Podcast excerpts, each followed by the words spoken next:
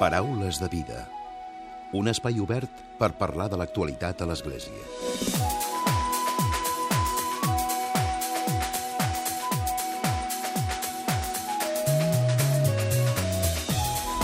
Què tal? Salutacions i molt bon dia, molt bon diumenge. Dissabte al migdia vam conèixer que el capellà gironí mossèn Joan Planella serà el nou arcabisbe metropolità de Tarragona. El papa Francesc, el va nomenar dissabte al migdia. Actualment, Planelles és rector de Jafra, de Garrigoles, de Colomers, Fuixà, Rupià i la Sala i també és administrador parroquial de la Tallada d'Empordà i Maranyà. Des del setembre del 2015 és també el degà de la Facultat de Teologia de Catalunya. Avui ens acompanyarà a la segona part del programa.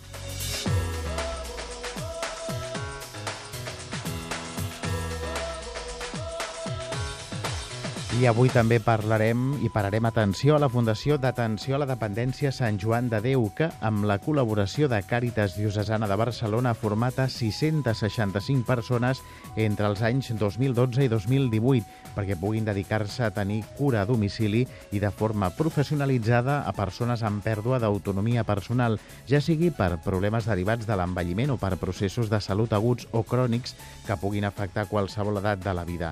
Cal destacar que el 90% 90% dels alumnes que han participat en la formació han treballat en algun moment. També ens alerten que els cuidadors i cuidadores professionals són un dels col·lectius que més pateixen la precarietat laboral. I en parlarem de seguida i ho farem amb la Desiré Garcia, que és la cap del programa de formació i inserció sociolaboral de Càritas Diocesana de Barcelona.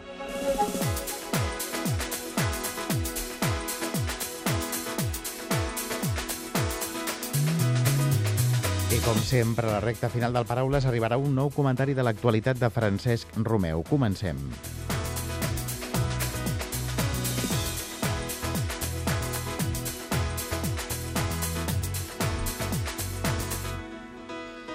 I saludem la Desiré Garcia. Molt bon dia, Desiré. Hola, bon dia un estudi que s'ha presentat fa pocs dies sobre el servei d'atenció domiciliària, que en aquest cas un dels principals titulars és que heu format a 665 persones que estaven en situació de risc d'exclusió i ho heu fet com a professionals de la cura a domicili, oi? Ah, exactament, sí.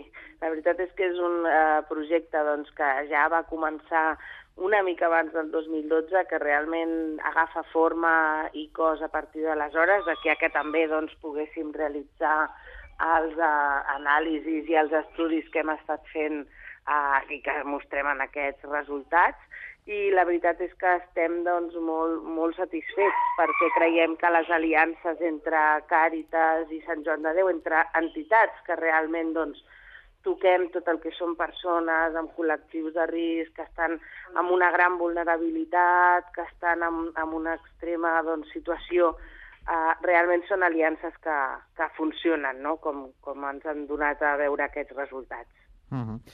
De fet, eh, com dèiem, són més de 665 persones, persones que estaven en risc d'exclusió de, social. De fet, hi ha un doble objectiu de, en tot plegat, no? és a dir, aquestes persones que puguin tenir una feina doncs, eh, apta, una feina que no sigui precària, una feina que els pugui eh, continuar en el seu dia a dia i, a més a més, tenir persones doncs, això que necessiten aquesta cura, no?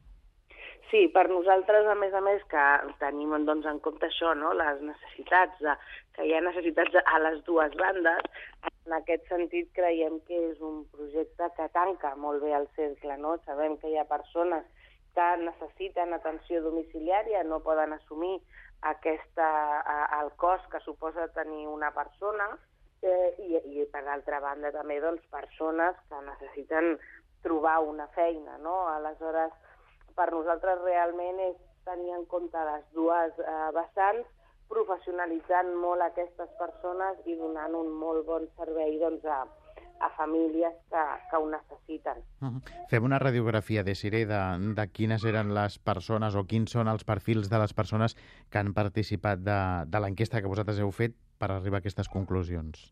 Sí, doncs mira, majoritàriament el perfil és una dona de 40 a 44 anys, també és cert doncs, que per preeminència tenim molt de nascuda Amèrica Llatina, especialment doncs, Bolívia i Honduras, i eh, sí que és cert que aquest és un perfil que nosaltres detectem molt en el títol propi que desenvolupa Sant Joan de Déu. En canvi, amb certificats doncs, de professionalitat, que són 600 hores, és, són, són cursos que ja doncs, permeten altres, altres reconeixements, no? que no són títol propi. Uh, en aquí també hi veiem que hi ha un 50% que és nascuda, és dona igual, eh? promig d'edat igual, però en canvi és nascuda a l'estat espanyol. Nosaltres, bàsicament, eh, una de les coses que hem analitzat i detectat, eh, i es veu molt plenament en aquest estudi, és que les, eh, les persones que estan en situació d'exclusió o amb una gran vulnerabilitat, amb una gran inestabilitat, el dia és molt difícil sostenir formacions com les que hi ha establertes, regular, regularitzades, diguem, uh, per part dels serveis d'ocupació o, o fins i tot del, del Ministeri de Treball. Mm. 600 hores per persones que no tenen cap tipus d'ingrés a la unitat familiar té un cost realment molt alt. I sovint ja ho intenten, ja comencen, però si et surten unes hores, si et surt la possibilitat, deixen aquesta formació. Nosaltres amb Sant Joan de Déu, amb l'experiència que té Sant Joan de Déu a través fins i tot de l'escola d'infermeria, el que hem mirat de tractar molt és d'adaptar-nos a la situació. Per tant, fent uns cursos que et donin uns coneixements, per suposat, la persona ha d'estar ben atesa, un ha de tenir professió i professionalitat a la seva feina, a la tasca que desenvolupi, però també ho hem sabut modular o en aquest cas, sobretot, Sant Joan de Déu ho ha sabut modelar. Tenim des de cursos inicials de 75 hores per fer serveis molt bàsics, com un curs de 300 hores molt més eh, ja complet, professionalitzat, que dona accés precisament també doncs, a aquesta borsa de treball que, que la Fundació d'Atenció a la Dependència doncs, gestiona per donar servei, i després uns monogràfics, monogràfics específics de pluridiscapacitat infantil, de salut mental, però que ja es fan mentre la persona ja pot accedir a una feina. Per nosaltres, aquesta diferència és capdalt, realment, perquè és la diferència que marca que puguin sostenir o no la formació i que, per tant, puguin ser bons professionals. Mm -hmm. Clar, que són situacions molt, molt complicades i, i sobretot també el, el missatge que vosaltres llanceu, tant des de Càritas com des de Sant Joan de Déu, no? que aquestes persones tinguin una, una feina digna, no?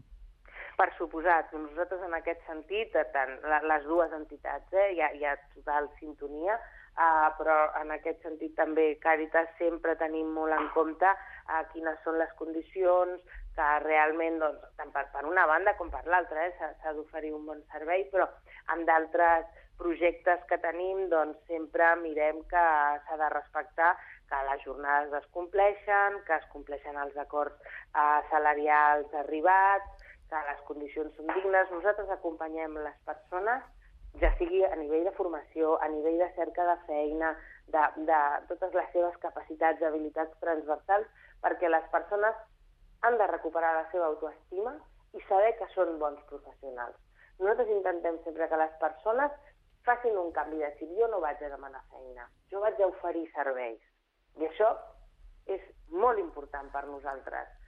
Però de la mateixa manera també és important l'altra banda. Aleshores, en aquest sentit, quan les empreses, les famílies estan oferint unes condicions, és important que sabem de les necessitats que hi ha, sabem que hi ha una mancança en el desplegament de la, atenció a la dependència, especialment amb atenció domiciliària, però això no pot contravenir els drets de les persones que estan treballant i, per tant, eh, necessiten tenir doncs, els seus dies de festa, les seves hores de descans, i això és igualment important. De fet, Sant Joan de Déu, una de les formacions que té contínues és cuidar el cuidador o la cuidadora. Són persones que també pateixen un alt desgast emocional, tenir cura d'una altra persona, acompanyar-la sense cap li sigui molest, ni excessiu, ni insuficient, no? trobar aquest equilibri adaptat a com cadascuna de nosaltres vol doncs, que l'acompanyin amb una convalescència o fins i tot els seus últims mesos de vida, és un desgast molt important per al cuidador, la cuidadora. Per tant, també mirem de vetllar justament per això, no? per, per aquest respecte de drets laborals que també ha de tenir la persona, perquè al cap i a la fi, si, si no es cuida el cuidador, doncs no, no, no hi haurà un bon servei ni una bona atenció. Uh -huh. I quan es parla del cuidador mm, des del punt de vista més professional, també hem de dir que, que són professions del futur, no? que són professions que, que van a l'alça, no? que es necessitaran, malauradament. No? Efectivament, efectivament, anem clarament cap a un envelliment de la població eh, des de ja fa molt de temps i aquesta és una necessitat clarament emergent. És de les que és cert que amb mobilitzacions, amb determinades coses, a més a més les noves tecnologies, la, la intel·ligència artificial, doncs hi podrà acabar entrant, però molts estudis apunten que aquest serà precisament un dels sectors que crearà ocupació, no, no en destruirà realment tanta. Per tant, necessitem també d'aquestes persones, de que siguin professionals, però per nosaltres és molt important demostrar que persones que estan amb exclusió, que persones que estan patint, eh, ho poden fer-ho també i poden accedir al mercat de treball. Uh -huh. Abans d'acabar, Desiré, parlem també... Aquesta setmana heu fet la, la primera Fira de l'Ocupació de Càritas Diocesana de Barcelona, que de fet és, un, és una acció pionera, a la qual hi han participat més de 500 persones. Doncs la veritat que ha estat un èxit, sí, sí, s'hi van inscriure moltíssimes, hem tingut una alta participació, com, com bé deies, ha succeït aquesta setmana, per tant haurem d'avaluar, òbviament, doncs, quins uh, seran els resultats, quants contractes realment s'hauran pogut produir arrel doncs, d'aquesta doncs, trobada que hem realitzat, però n'estem d'entrada doncs, molt satisfets. Hi ha hagut una alta resposta per part de les persones que, que nosaltres doncs, els vam informar que es podien presentar, hi ha hagut un, un altíssim interès, i també per les empreses, no? És el que comentàvem, en aquest sentit és la mateixa transposició amb les famílies, no? Necessitem també que les empreses vegin que hi ha professionals, per suposat, no? però vegin a la persona també. Al cap i a la fi, les empreses estan integrades i formades per persones, no per màquines. A les persones ens passen coses i amb persones doncs, que fa més temps que tenen una situació doncs, realment complicada, sovint el que els hi falta és l'oportunitat per poder demostrar que són grans professionals que estan compromesos amb aquella empresa, que poden ser partíceps, que poden aportar, i que al cap i a la fi, doncs, òbviament, com tots, eh, també necessita aquesta feina per poder ingressar i cobrir les seves necessitats a, a, a econòmiques i de despesa, no? Però ja, estem molt satisfets perquè aquell dia vam, vam veure això, no? O sigui, moltes persones que estaven allà per mostrar que, que eren professionals i moltes empreses que estaven disposades també a veure no només el professional, sinó la persona. Uh -huh. Doncs, Desiré, gràcies avui per, per haver-nos acompanyat i molta sort. A vosaltres, gràcies. Paraules de vida, amb Emili Pacheco. I ara és moment de saludar l'arcabisbe electe de Tarragona, mossèn Joan Planelles. Molt bon dia i benvingut al Paraules de Vida. Molt bon. Primer de tot, felicitats per aquest nou encàrrec, un encàrrec que ha rebut i un nomenament del papa Francesc. Com l'afronta? Bé, eh, en un primer moment doncs, vaig tenir la sorpresa d'aquest nomenament, però després, amb un gran sentit de la responsabilitat, acaro el tema amb il·lusió i esperança, sabent que hi ha moltes persones, molts diocesans, molta gent, tot el, el poble de Déu que d'alguna manera prega per mi i esperançat per fer present l'Evangeli de Jesús eh, en el lloc on se m'ha encomanat. Uh -huh. Quins són els reptes que té per endavant? De fet, ara és l'arcabisbe de Tarragona electe i a partir del dia 8 de juny és quan ja de manera oficial ho serà, oi? L'arcabisbe de Tarragona? certament. De fet, el repte més gran de la nostra església és, eh, podríem dir en termes del papa francès, ser una església en sortida, evangelitzadora, missionera. De fet, aquesta és la gran resposta, o l'única resposta possible que tenim davant la situació actual. És, és eh, ser capaços de formular amb una actitud propositiva i de diàleg l'Evangeli de les benaurances, el cor de l'Evangeli, el missatge genuí de Jesús. I això, doncs, eh, aquest és el gran projecte, podríem dir. Uh -huh. Un projecte que, que té per endavant d'una societat, la que tenim, en aquest cas també la catalana, i suposo que a nivell polític ja li han, aquests dies li han preguntat a les diverses entrevistes que ha fet un conflicte que hi ha entre, entre l'estat espanyol i Catalunya. Això, des del punt de vista de l'Església, i en aquest cas com a arcabisbe de Tarragona, com, com creu que s'haurà de... o quina serà la, la visió que, que s'haurà de donar? Bé, d'una banda, eh, allò que diuen els nostres mateixos bisbes amb documents precedents, eh, manifestem el nostre profund amor pel país. I, i per què eh, tenim amor pel país? Perquè estem al seu servei donat que sentim la urgència d'anunciar-hi la persona de Jesucrist i del seu regne, no? reconeixent també la personalitat i els trets nacionals propis de Catalunya, tal com diuen els documents precedents. Una vegada dit això, també després hem de dir allò que diu el que afirma el Concili Vaticà II, que l'Església no s'identifica en cap opció política concreta. L'Església no està lligada a cap sistema polític, eh, sinó que, eh, eh, de fet, eh, eh, són els polítics, l'art nobilíssim i difícil de la política, diu el mateix Concili, que han de formular els camins més adients, sempre amb sinceritat, rectitud, amb esperit democràtic i amb diàleg. I eh, l'Església, eh, eh, en el marc de tot això, sobretot en aquests moments en què hi ha aquesta, aquesta ferida oberta, o sigui, tenim el problema de, de que hi ha aquesta ferida oberta, l'Església hauria de ser més element de cohesió que contribueixi a guarir ferides. Potser a l'Església ara li toca anar eh, al darrere, no? calmant cors exaltats, que eh, durant tots aquests temps hi ha cors molt exaltats, amb motiu del mateix nomenament eh, d'arcabisbe, doncs s'ha vist això. Potser ara a l'Església li toca doncs, anar, com deia al darrere, calmant ànims, no? temperant els ànims, guarint ferides, fent el ministeri del consol uh -huh. i demanant, demanant esperit de conversió i diàleg. Uh -huh. És cert que també a vegades des de di diferents o des de determinats mitjans de comunicació eh, se li ha volgut posar l'etiqueta d'independentista o una, una persona... Està clar, sí, sí, i no és això, no clar. és això. Els que em coneixen ho saben prou bé. La gent dels, no, dels pobles que, que he treballat eh, durant aquests anys, que, que he fet de mossèn durant aquests anys, em coneixen prou bé i saben com penso.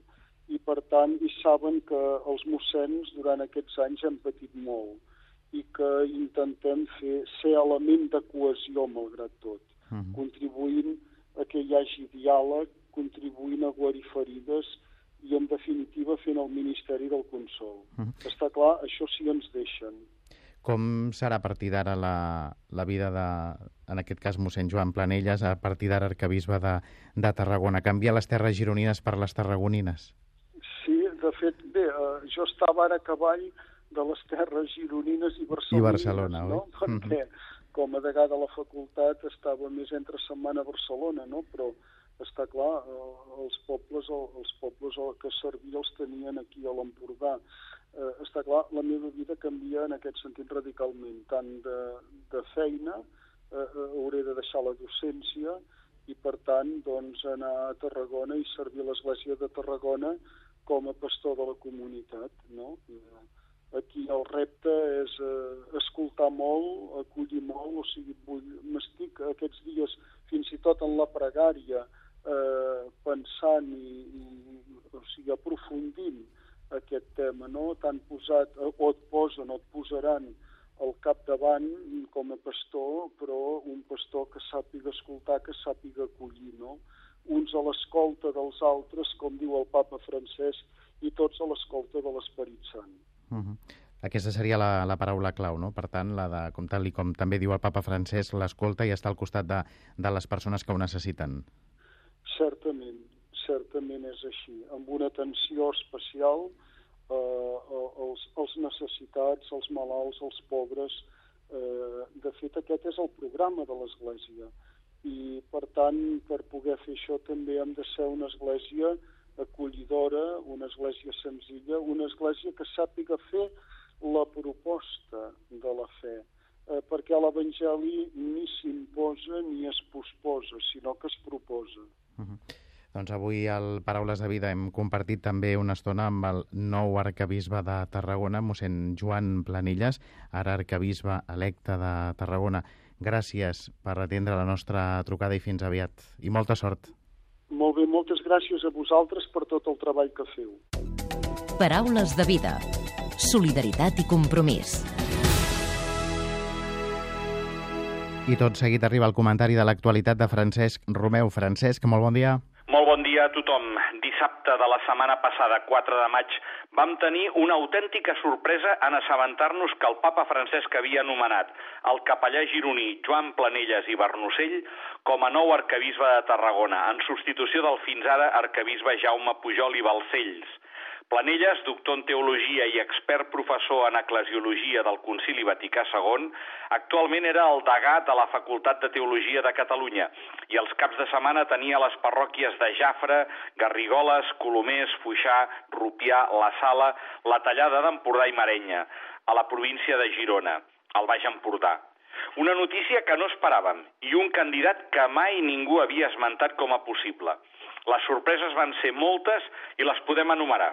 En primer lloc, el mateix candidat, mossèn Joan Planelles, en la seva compareixença davant els mitjans de comunicació, va reconèixer també la seva sorpresa, atès que ni ell mateix s'ho esperava quan poc abans de Setmana Santa, a través del nunci li van comunicar aquest nomenament i li van demanar la seva disponibilitat. En segon lloc, la sorpresa també va ser per la rapidesa d'aquest nomenament atès que va ser a principis de febrer quan l'actual arcabisbe de Tarragona, Jaume Pujol, va presentar la seva carta de renúncia reglamentària en complir els 75 anys d'edat. I d'això encara no han passat ni tan sols tres mesos, la qual cosa fa pensar que no s'ha pogut començar tot el lent procés de recerca d'un candidat. Per això, alguns pensen que Jaume Pujol havia demanat i esperava ja un relleu ràpid, i el nou candidat ja tenia el seu expedient preparat i acceptat. Per tant, una nova manera de funcionar de la Santa Seu, quan ens tenia acostumats a uns processos molt més llargs i a uns candidats molt difícils de trobar. En tercer lloc, també ha estat una sorpresa pel fet que les expectatives que es feien córrer sobre el relleu de Tarragona semblaven totes unes altres i fins i tot alguns eren, algunes eren preocupants. Com per exemple, els qui feien creure que la seu metropolitana de Tarragona ara hi entraria un bisbe castellà del tot. Fins i tot s'havia creat un moviment, petit i insignificant, que s'autoanomenava Volem bons bisbes catalans, que arriscaven apuntar ja el nom de l'actual bisbe de Barbastre Monzó, l'aragonès nascut a Saragossa, Àngel Javier Pérez Puello, el bisbe que actualment lidera tota la campanya de recuperació de les obres d'art de la franja. D'altres feien córrer que Tarragona es consolidaria com una seu atorgada definitivament a l'Opus, com havia estat ja amb el bisbe Jaume Pujol, i per tant el candidat també s'hauria d'escollir entre els capellans de l'Opus. Totes aquestes expectatives tenien en el seu punt de mira a l'actual arcabisbe de Barcelona, el cardenal Joan Josep Omella, atès que és un membre molt actiu de la congregació dels bisbes a la Santa Seu, que és la que es dedica a nomenar els nous bisbes arreu del món. Per tant, aquest nomenament, després dels auxiliars de Barcelona, s'interpretava com la prova del nou definitiva per saber què és el que el cardenal Omella ha entès de l'Església catalana. Finalment, en quart lloc, la sorpresa també ha estat en el nou arca... que el nou arcabisbe sigui un capellà de Girona i un teòleg prestigiós i reconegut. Molts ja donaven per fet que els capellans de Girona, amb la iniciativa sempre reivindicativa del Fòrum Joan Alzina, estaven com a maleïts, mentre d'altres també apuntaven que els teòlegs ho tenien difícil per ser bisbes tant en l'època de Joan Pau II per la persecució de teòlegs a favor d'una recta doctrina, com ara amb la línia molt més pastoralista del papa Francesc. Amb tot això, només ens queda agrair a l'arcabisbe Jaume Pujol tots aquests anys d'episcopat al capdavant de la seu metropolitana de Catalunya i el seu gran encert amb la curada atenció a la gent i als seus capellans. I felicitem el nou arcabisbe, Joan Planelles, per la seva bona disponibilitat i també a tots els diocesans de Tarragona pel nou arcabisbe que tindran a partir del proper dissabte 8 de juny, quan se celebri al matí l'ordenació episcopal de Joan Planelles a la catedral tarragonina. Felicitem també els diocesans de Girona, perquè han vist com la seva terra i els seus capellans són dignes de l'episcopat i agraïm al papa Francesc i a tots els que han participat secretament en aquesta elecció pel seu bon encert. Molt bon diumenge a tothom.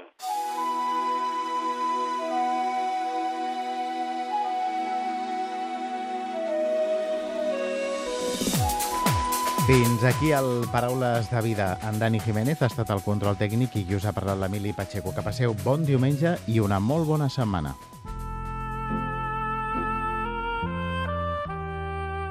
Us oferim la carta dominical de l'arcabisbe de Barcelona, Joan Josep Omella.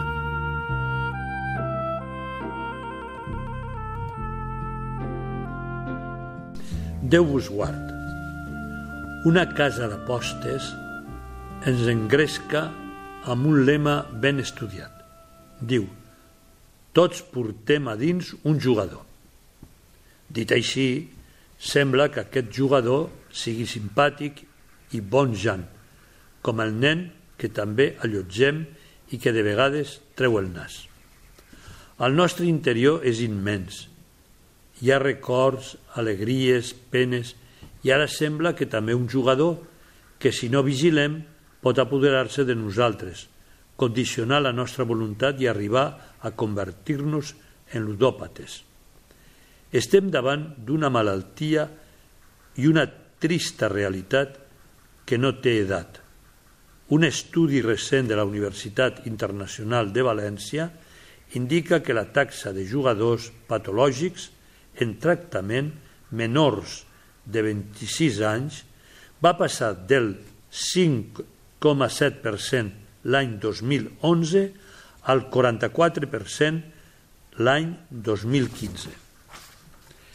Les apostes esportives en línia s'han convertit en la principal causa de caiguda dels adolescents i joves al pou de la ludopatia.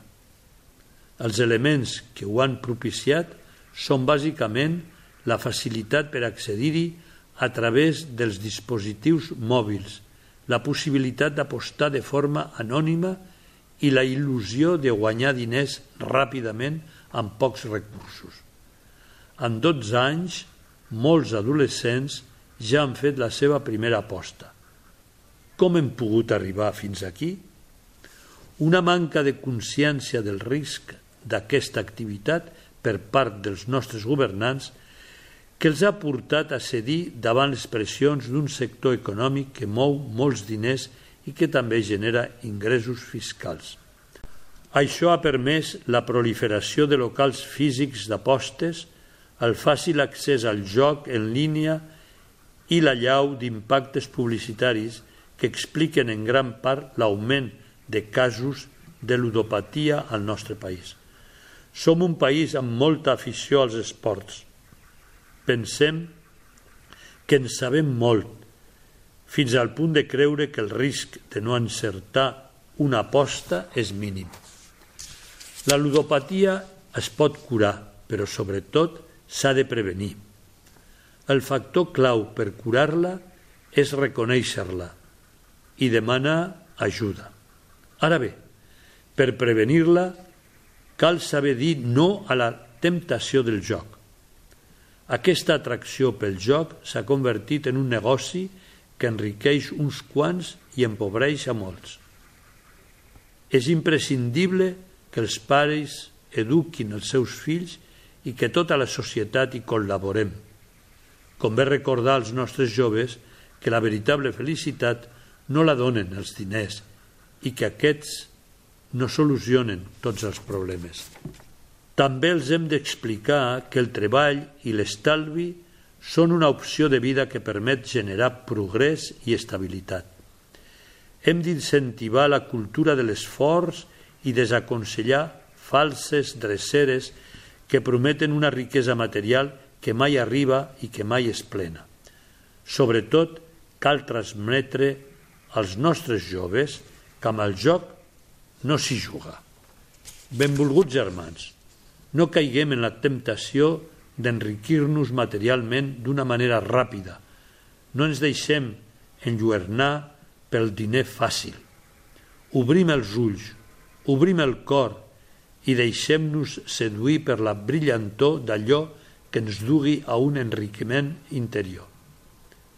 En això hi trobarem una font de pau, de felicitat i també de convivència familiar.